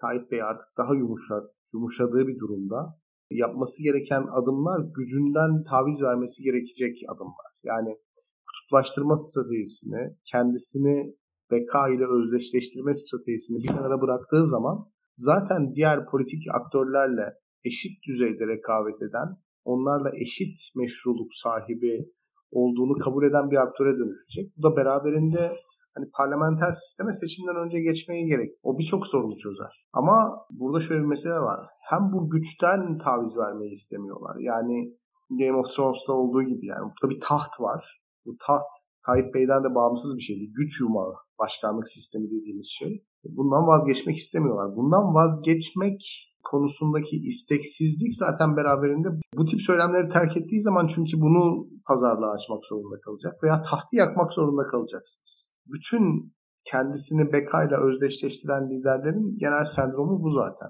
Yani onlar keyfi bir yönetim arzuluyorlar. Milletin bekasıyla kendi siyasal iktidarların bekasını birbirine eşitledikleri için zaten onların hilafına konuşan, çalışan kim varsa bir vatan haini yaftasıyla karşılaşıyor. Ve bütün insanlardan bekledikleri şey hayatlarını bir parti, bir lideri iktidarda tutmak için idealistçe yaşamalı. Yani market sahibi kar etmemeli. Market sahibi gerekirse zarar edip enflasyonu düşük göstermeli ki hükümet seçimi kazansın. Akademisyen gerekirse beynini aldırmalı ve belirli sloganları tekrar edip hayatı boyunca kazandığı akademik itibarı yok sayma. Bunların hepsi tek bir lideri iktidara tutmak için harcanması gereken enerjiler ya da harcanması gereken potansiyeller. Dolayısıyla bunu yapmayan da vatan haini ilan ediliyor. Ya bu sistem böyle bir şey. Bu dünyevileşme meselesi Tayyip Erdoğan için hakikaten hiç olmadı. 2002'den bu yana olmadı. Hiçbir zaman siyasetteki diğer aktörleri meşru ötekiler olarak kabul etmedi. Televizyonda tartışma programına çıkmadı. Ya da öteki aktörlerin de kendisinin uygun gördüğü meselede bir söz sahibi olabileceğini kabul etmedi. Mesela demokratikleşme ve sivilleşme meselesinde AKP'nin dışında herhangi bir aktörün önerisini dinlemedi. Çözüm sürecinde dinlemedi. Terörle mücadelede de dinlemiyor. Anlatabiliyor muyum? Dolayısıyla onun bu tip kutsal davalara sarılmasının arkasında hep kendi siyasi rakiplerini yaftalama arzusu var. AKP'nin ötekisi olmak sizi darbeci yapabilir, sizi terörist yapabilir, sizi kan emici vampir milliyetçi yapabilir yani. En vulgar şekilde en marjinal şekilde tanımlama eğilimi var. Bu bir iktidar kurma yöntemi. Şu anda da bütün bu söylemler, bu milliyetçiliğin başkanlık sistemiyle beraber anılması o kadar tesadüf değil. Zaten Tayyip Bey'e başkanlık sisteminin verilme sürecine baktığınız zaman Devlet Bahçeli'nin bunu lütfettiğini görürsünüz. Devlet Bahçeli de hani 3 koltuk MHP'ye verin, 5 koltuk kabineden istiyorum gibi bir pazarlık içerisine girmedi. Ülkenin bekası için başkanlık sistemine ihtiyacımız var dedi bir anlamda parlamentoyu HDP'nin kilit rol oynamasını önleyebilmek için aslında ilga ettiler. Yani parlamentoda HDP kilit rol oynayacaksa eğer parlamenter sistemi iptal ediyoruz gibi bir mantık vardı orada. Eğer bu işi burası kilitliyorsa. E, dolayısıyla bu devam edecek. Yani kaçınılmaz bir şey. Bundan vazgeçtiği anda iktidar çözülür çünkü. Onu söylemem gerekiyor. Bir de ne vardı birinci soru? Muharrem Bey'in sorusu. Bu şeyle alakalı milli beka söylemi yapan çok fazla. Ha, evet onu ben söylüyorum zaten. Vigilantizm diye bir kavram var. Onunla açıklıyorum ben bunu. Daha önce çeşitli yerlerde de söyledim. E, milliyetçilikle devletçilik aynı şey değildir. Yani Türkiye'de hep birbiriyle örtüşen meselelerdir bunlar. Ama devletçilik yani modern ulus devlet birbirine karşı sorumlu ve eşit vatandaşların olduğu bir sistemdir. Eşit vatandaşlık belli bir vatandaş grubunun etnik, siyasi ya da mezhepsel aidiyetinden dolayı diğerine karşı üstünlük sahibi olmamasını gerektirir. Dolayısıyla milliyetçi olmak aslında bu üstünlük iddiasıdır. Baktığımız zaman Avrupa örneklerinde böyledir. Bu üstünlük iddiası ulus devleti iki şekilde yaralar. Birincisi eşit vatandaşlar arasında bir bölücülük ortaya çıkartır. Milliyetçiler ile Almanlar arasında, milliyetçiler ile İngilizler arasında, milliyetçiler ile Türkler arasında bir ayrım ortaya konar. Yani mesela Türk milliyetçileriyle Türkler arasında bir ayrım vardır. Türk vatandaşları, Türkiye Cumhuriyeti vatandaşları arasında. İkincisi de sınırların dışına çıkarlar. Yani Türk ya da Alman ya da İngiliz sadece ulus devlet sınırları içerisinde yaşamaz. Sınırların dışarısında yaşar ve o sınırlar revize edilmelidir. O yüzden milliyetçilik kavramı hakikaten modern anlamda ulus devletle çok çatışan bir kavramdır. Çünkü modern ulus devlet yasalar üzerinden ilerler, eşit vatandaşlığa inanır, bunun üzerinden yükselir ve vatandaşların birbirine karşı askeri sorumluluk sahibi olması gerekir. Milliyetçilik bunu bunu bunu pek önemsemez. Gerekirse onların zihnindeki güvenlik algısı tahkim olabilmesi için yasaların bile ilga edilmesi meşru görülür.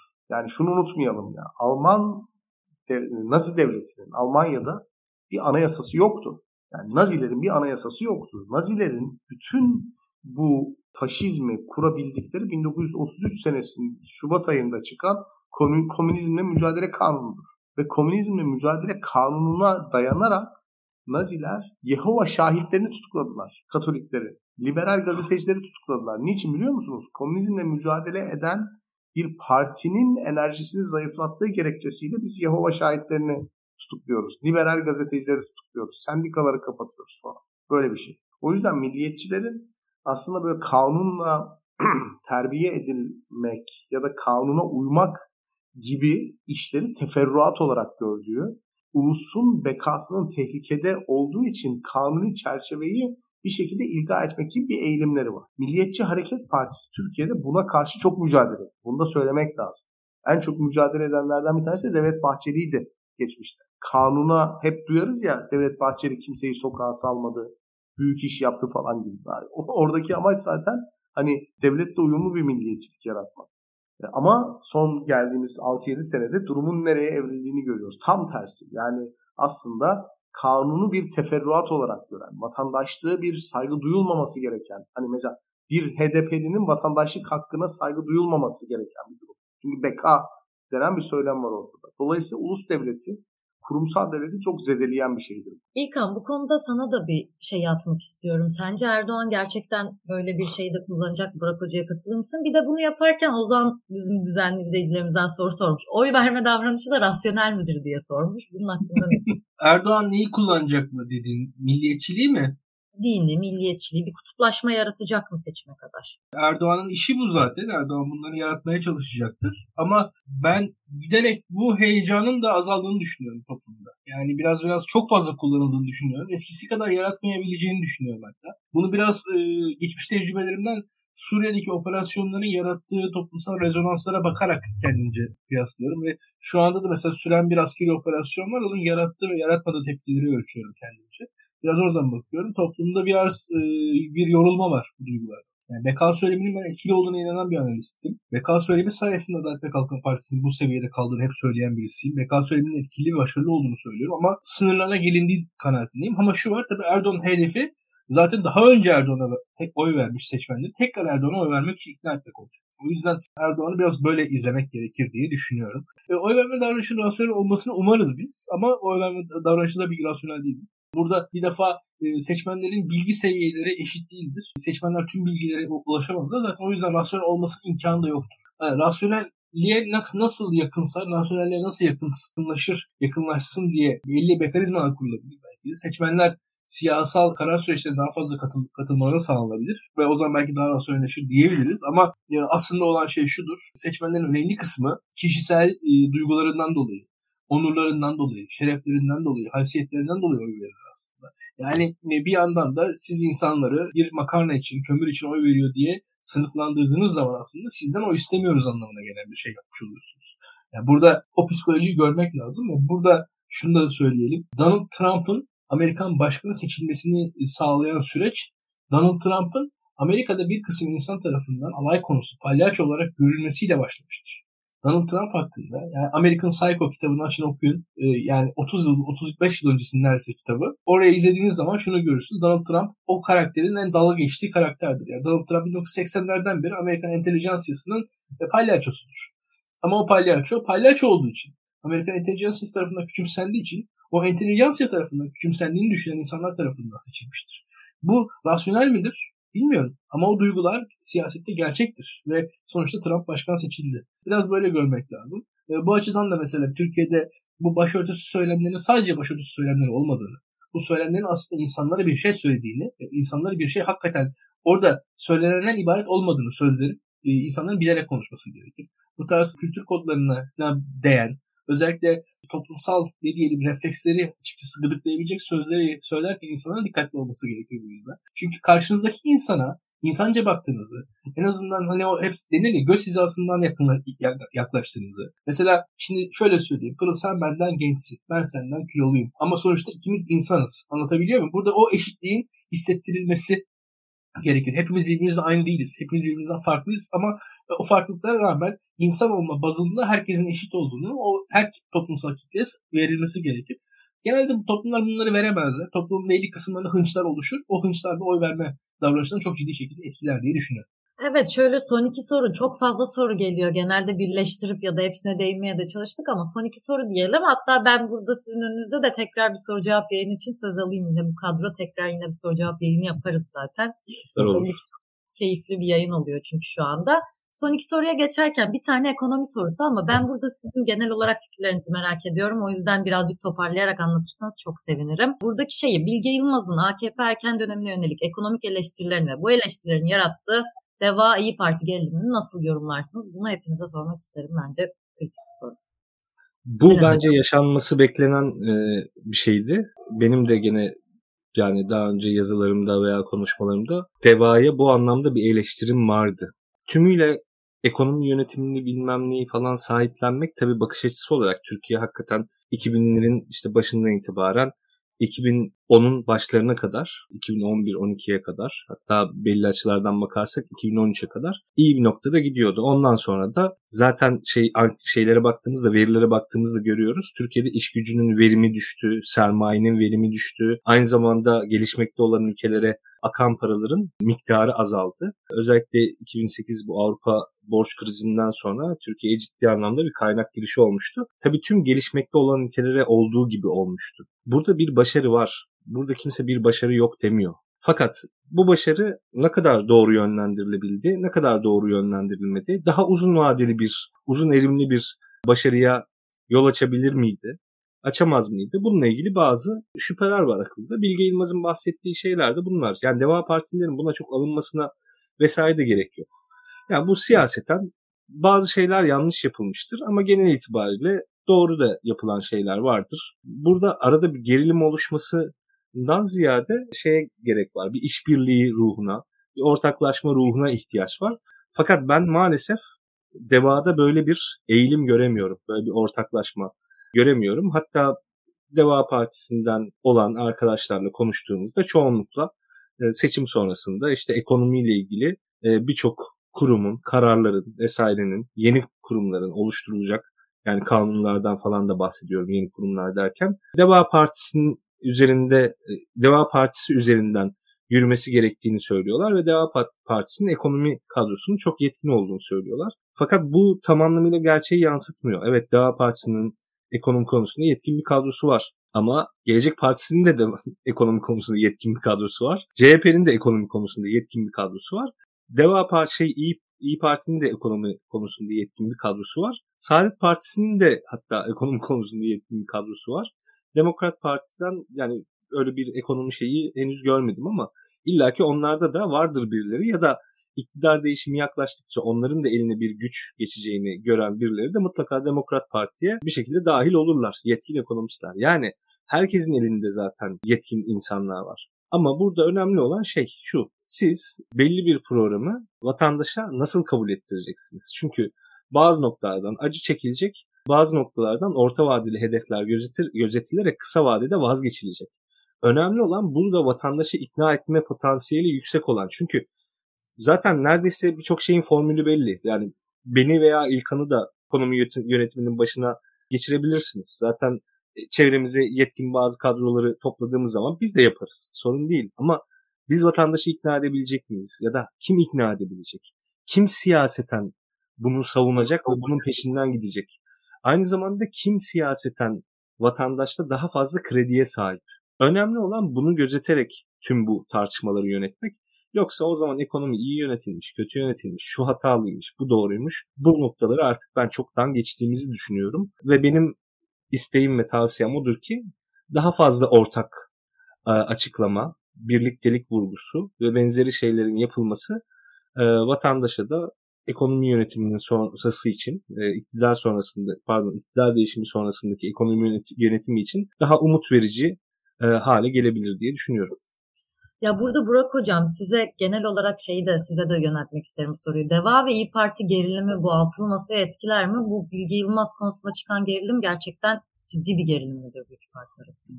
Biz sen yokken bunları konuştuk aslında geçen hafta. Deva Partisi'nin içerisinde siyasete yeni başlayan e, birçok kıymetli isim var ve onları bu tartışmanın içinde görmüyoruz.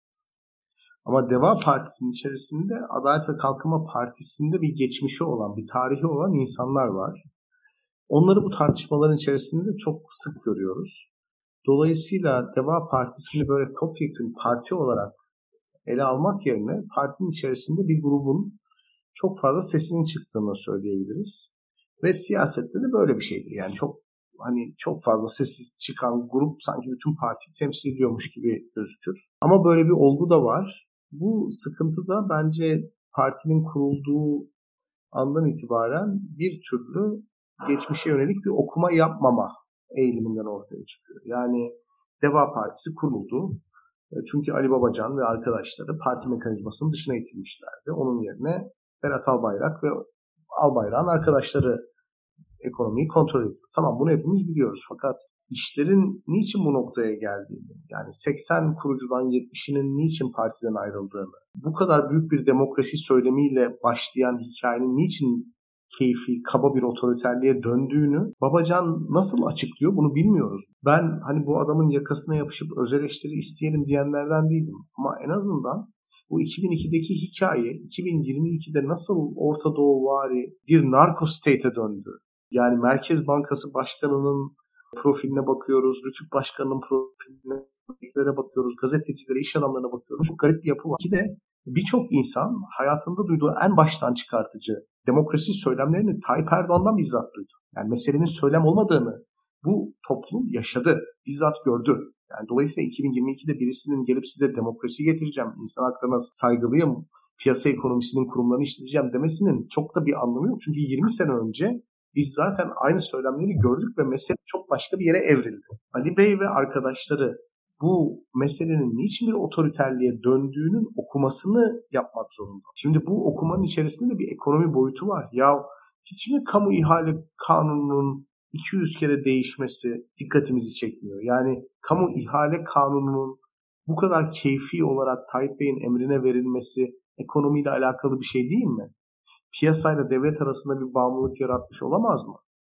Veyahut tasarruf mevduatı sigorta fonunun medya gruplarına yönelik operasyonu ekonomiden bağımsız bir şey mi? Veyahut kamu bankalarıyla alınan, kamu bankalarından alınan kredilerle ATV Sabah grubunun Çalık grubuna verilmesi. Yani bu ekonomiden bağımsız bir şey. Bunların hiçbir tanesi bir anlam ifade etmiyor mu? Yani Türkiye'nin otoriterleşme patikasında birdenbire Tayyip Bey sabah uyandı ve Ali Babacan'ı istemiyorum, Berat Albayrak, Yiğit Bulut siz gelin mi dedi. Yani birdenbire mi ortaya çıktı? Ve birdenbire ortaya çıkmasına rağmen hemen başarılı mı oldu? Yani bunların bir okumasının yapılması lazım.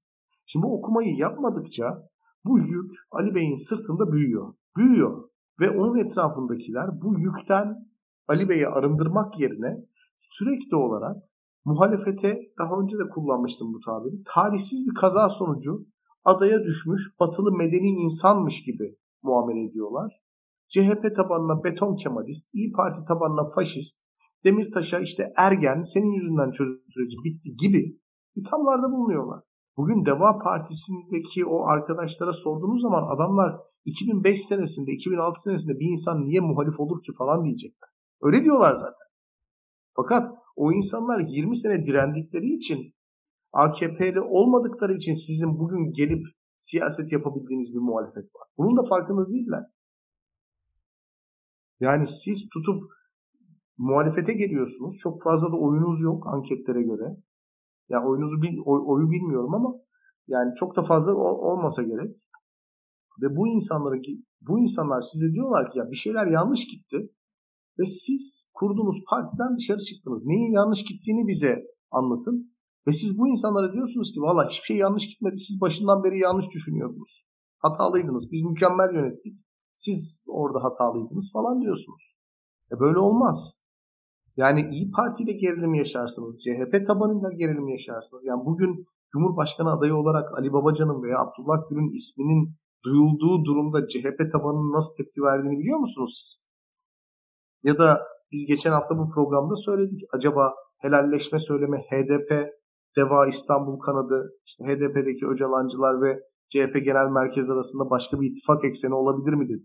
Şimdi bu mesele gerçekten ortaya çıksa, yani bütün ekonomi yönetiminin Ali Babacan'a verildiği bir anlaşma ortaya çıksa, siz de CHP tabanıyla Deva Partisi gerilim yaşamayacak mı?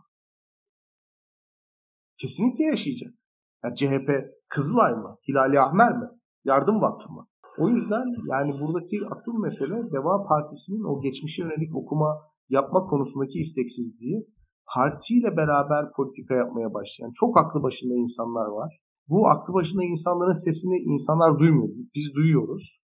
Bundan dolayı Deva'nın muhalefette olmasına da çok kıymet atfediyoruz. Çünkü insanların hakikaten Deva Partisi'nde muhafazakarları daha aklı başında temsil etme iddiasıyla bulunması çok kıymetli bir şey. Ama 2002'den bu yana gelinen mirası ve tarihsiz bir kaza oldu partiden çıktık ama sonuna kadar da doğru yaptık gibi bir cevvallikle savunmak da muhalefeti zehirliyor. Onu söylemek lazım ve bu muhalefetin çözeceği bir sorun değil. Deva Partisi'nin kendi içinde çözeceği bir sorun. Yani evet haklısınız bu zaten her yayında da konuştuğumuz bir şey. Son olarak son soruya geçmeden önce benim sizin hepinizin cevabını almak istediğim bir soru yine son sorumuz gayet kritik bir konu. Şeyle yayın süreleriyle alakalı çok fazla yorum geliyor. Bir saat sınırımızı genelde tutmaya çalışıyoruz ama bir saat 15 dakika oldu. Orada da Güran Çiftçi ile Muharrem Palaz demişler. Herkesin çocuklar bekliyor bir noktada. Bizim de bu yayını bitirmemiz gereken ama biraz önce sizin önünüzde söz aldım. Tekrar bir soru cevap yayını yapacağız. Yine sorularınızı cevapladığımız bir yayın olacak. Önümüzdeki ay muhtemelen yine konuşuyor oluruz. Son soruyu ben hepinize yöneltmek istiyorum. Kubilay sormuş aslında. Türkiye'de gönüllü çalışmalara katılım çok az. Sivil toplum kuruluşları ve aktivistlerin gönüllülüğü çok az. Kanalda sivil toplum kuruluşlarına, aktivistlere değer vermeyi düşünüyor musun? Bu konuda aslında çok sesliye değer, değer veren bir yer olduğunu bildiğim için Daktilo'nun ben size birazcık anlatmanızı istiyorum aslında. Çünkü sadece Çavuşesku'dan değil çok fazla şey yapılan bir yer içerisinde. İlkan sen başlayacak gibisin senden. Tabii ki ben başlayayım. Bir defa mesela Daktilo'nun e, şöyle söyleyelim. Daktilo'nun şu an çalışanı olarak gördüğünüz insanlar teknik olarak gönüllü olarak başlamış insanlardı birçoğu. Yani bir defa yani e, bugün e, bizim de mesela Pırıl arasındaki ilişki bir arkadaşlık ilişkisi. Yani öncelikle onun arkasından bir şekilde daha yarı formel bir ilişki haline döndü. Maya ile zaten tamamen hiç tanışmazdık açıkçası. Bir gönüllü olarak Daktilo'ya yakınlaştı. Ee, sağ olsun birkaç çeviri yaptı. Bir iki tane haber yaptı. Ee, onun dışında belli konuları yazdı, çizdi. Onun arkasından biz ona teklif ettik bir şekilde. Bizim en azından e, platformumuza dahil oldu. E, böyle arkadaşlarımız var bizim. Böyle arkadaşların sayısı artar diye umuyoruz. Daktilo'nun imkanları bu açıdan sınırlı. E, ama e, dak, tabii ki bu kültürün Türkiye'de yayılması gerekiyor. Bunun e, birey olmakla Türkiye'deki e, va- varoluşun aslında insanların kendi varoluşunu tanımlamasıyla alakası var. O yüzden de Türkiye'de gönüllülük meselesi birazcık e, zor yürüyor. Bizde genelde kamudan bekliyor. Bizde zaten dikkat edin. Partiler hep şeyden bahseder işte e, CHP teşkilatları çalışmıyor, bilmem ne partisinin teşkilatları çalışmıyor, teşkilatlar çalışmıyor diye bir şeyden bahseder. Teşkilatlar nedir? Aslında o teşkilatlar çalışmıyor diyen insanların çalışması gereken yerdir. Yani o insanlar çalışmamışlardır. O yüzden teşkilatlar çalışmamıştır. E, bu açıdan da Türk insanı genelde beklenti halinde. Bizim e, kendi gerek e, yaşam tarzımız açısından, yaşam tarzı derken şu, e, iş saatleri, mesai saatleri vesaire, aileyle ilişkiler, bizim zaman kontrolü e, kabiliyetimiz de düşüktür bu konularda. Enes bunları biraz benden daha iyi bilir. Mesela Avrupalı insanların gerçekten mesela kendi profesyonel hayatlarını sürdürürken siyasal kariyer yapma imkanları oluyor. Zaten bu yüzden de mesela siyasetçiler rahat istifa ediyor Avrupa'da. Bunun bir de böyle tarafı. Türkiye'de mesela siyaset 24 saatinizi alan bir iş. O yüzden siyasetçiler siyaseti bırakınca işsiz kalıyorlar. O yüzden siyasetten ayrılmıyorlar mesela. Bunun gibi Türkiye'de sivil topluma e, alan açacak şekilde bir iş kültürünün de oluşması gerekiyor. Kurum kültürünün de oluşması gerekiyor. İnsanlarımızın da e, bazı faaliyetleri mesela devletten değil sivil toplumdan beklemesi gerekiyor. Kimi kamu hizmetlerinin sivil topluma aktarılması gibi e, yaklaşımlar olabilir. Bunlar mesela acil yardım, orman yangınları vesaire tarzı işlerde mesela kamunun imkanları illaki sınırlı olacaktır. Ki önümüzde deprem e, gerçeği var ve deprem gerçeğinde şunu biliyoruz ki biz mesela sivil toplum olmasa depremle devlet mücadele edemez. Biz sivil toplumu, bu gönüllülüğü işin içerisinde sokmamız gerekiyor. Bu kültürle beraber ancak evretebiliriz ve en azından makul bir noktada reaksiyon gösterebiliriz diye düşünüyorum. Bu açıdan bu kültüre Türkiye'nin ihtiyacı var. Bu bizim gibi kurumlar e, bu gönüllüleri tabii ki şu, şu da ayrıca söylenmesi gereken bir şey. Gönüllü insanlar köle değillerdir. Gönüllü insanlar saygın birer insanlardır. E, yaşları, eğitimleri, kültürleri o konulardaki daha üst pozisyondaki insanlardan farklı olabilir ama asla e, aşağılanmamaları gerekir, haklarını al- almaları gerekir ve önlerinin açılmaları gerekir. Bir de işin böyle bir tarafı var. Birçok gönüllüye kötü muameleler falan da biliyorum öyle şeyler de var. E, ben sanırım bu konuda Enes daha güzel şeyler söyleyecek diye düşünüyorum. Öyle bitireyim. Buyurun hocam. Burada aslında birkaç konu var. Biri toplumsal, e, biri kültürel, bir de bireysel şeyler. Şimdi toplumsal açıdan baktığımızda Türkiye'de çok uzun zamandır zaten şey kültürü yok. Yani bir sivil toplum kültürü e, yok. Onun da aslında sebebi tabandan gelen hareketlerin bir şekilde bir değişime vesile olmaya gücünün yetmediği ortada. Buna ilişkin bir inanç olmadığı için de insanlar aslında sivil toplum çalışmalarından kaçıyor. Kültürel etkenler ise aslında biraz daha dini etkenler de demek lazım. Türkiye ve benzeri ülkelerde bu sadece İslam ülkeleri de değil daha çok hayır hasenat kültürü yaygındır. İşte sadakalaşma vesaire, yardımlaşma şu bu onlar da hep aslında seküler olmayan dünyaya ait şeylerdir, özelliklerdir biraz daha fazla. Türkiye'de yine bu tarz işleri yapan seküler çok güzel kurumlar var ama genel itibariyle baktığımızda böyledir. Bu biraz da devlet politikasının da bir yansıması.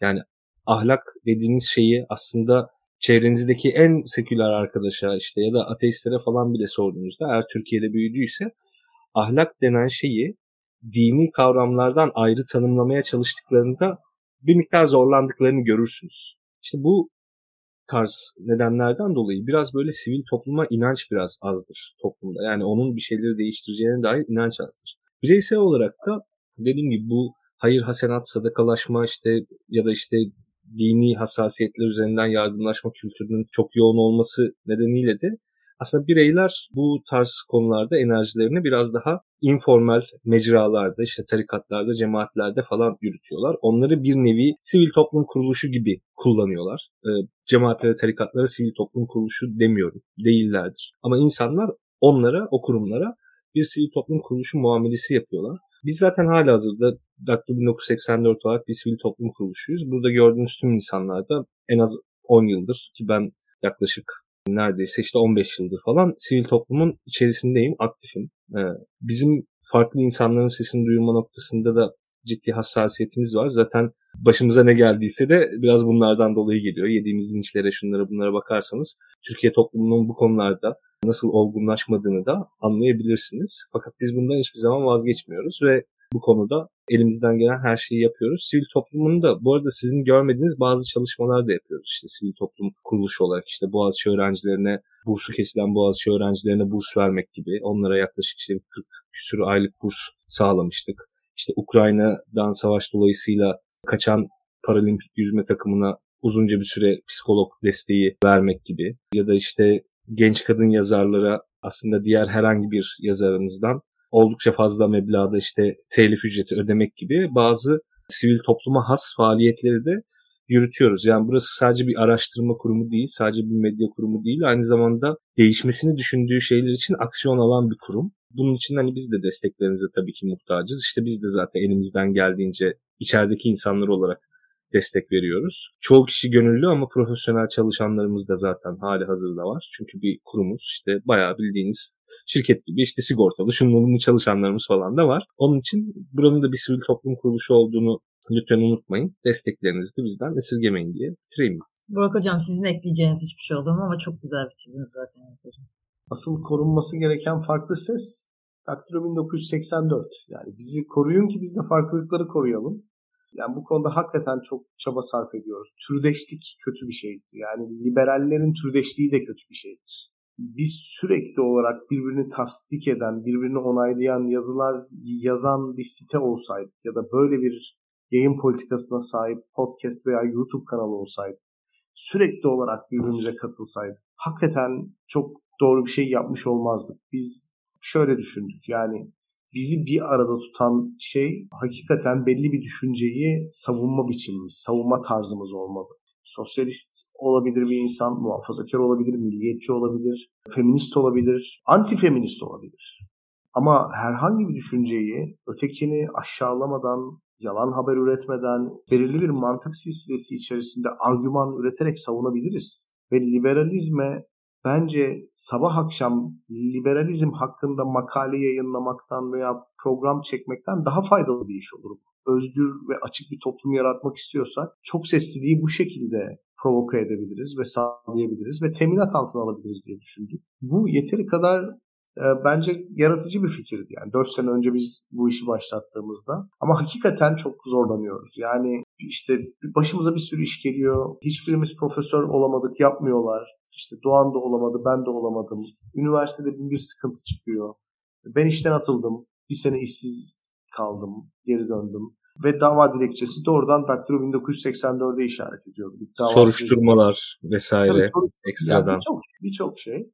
Yani üstelik bir de işte bununla beraber bir de sosyal medyada foncu falan sanki böyle bu, bunun üzerinden lüks hayat yaşıyormuşuz gibi. Yani çok ayıp şeyler bunlar yani. Zannediyorlar ki bond çanta içerisinde bir adam gelip bize bir para veriyor bir de liste veriyor. Bunları konuşun alın bu parayı falan gibi. Yani hani çok yıpratıcı şeyler. Sürekli ya benim günde hani hakikaten bana sistemli olarak küfreden insanlar var. Yani sabah uyanıyorum adam küfredip güne öyle, öyle başlıyor yani. Sürekli bunlara muhatap oluyoruz. Sürekli bir yaftalama. İşte ekşi sözlüğe bakıyorum. Hangi partiyi yönettiğimi ben bile bilmiyorum yani. Hani birisi ateist demiş, birisi bilmem bir şey demiş, birisi CHP yönetiyor demiş, birisi şu partiyi ya öyle bir şey de yok. Yani hani böyle bir mistik bir tarafımız da yok yani. Hayatımızı son derece insan ilişkiler üzerinden yaşayan insanlarız ve aslında tehdit altındayız yani. Bu otoriter sistemlere has böyle saçmalıklar vardır yani. Toplumdan bağımsız düşünülemez. Devlet bir yandan sizi sıkıştırır. O devletin aptallaştırdığı toplum başka bir yandan sıkıştırır. Çünkü herkes en güçsüzü ezmek üzerine bir mikro iktidar alanı kurmaya çalışır. Böyledir bu işler.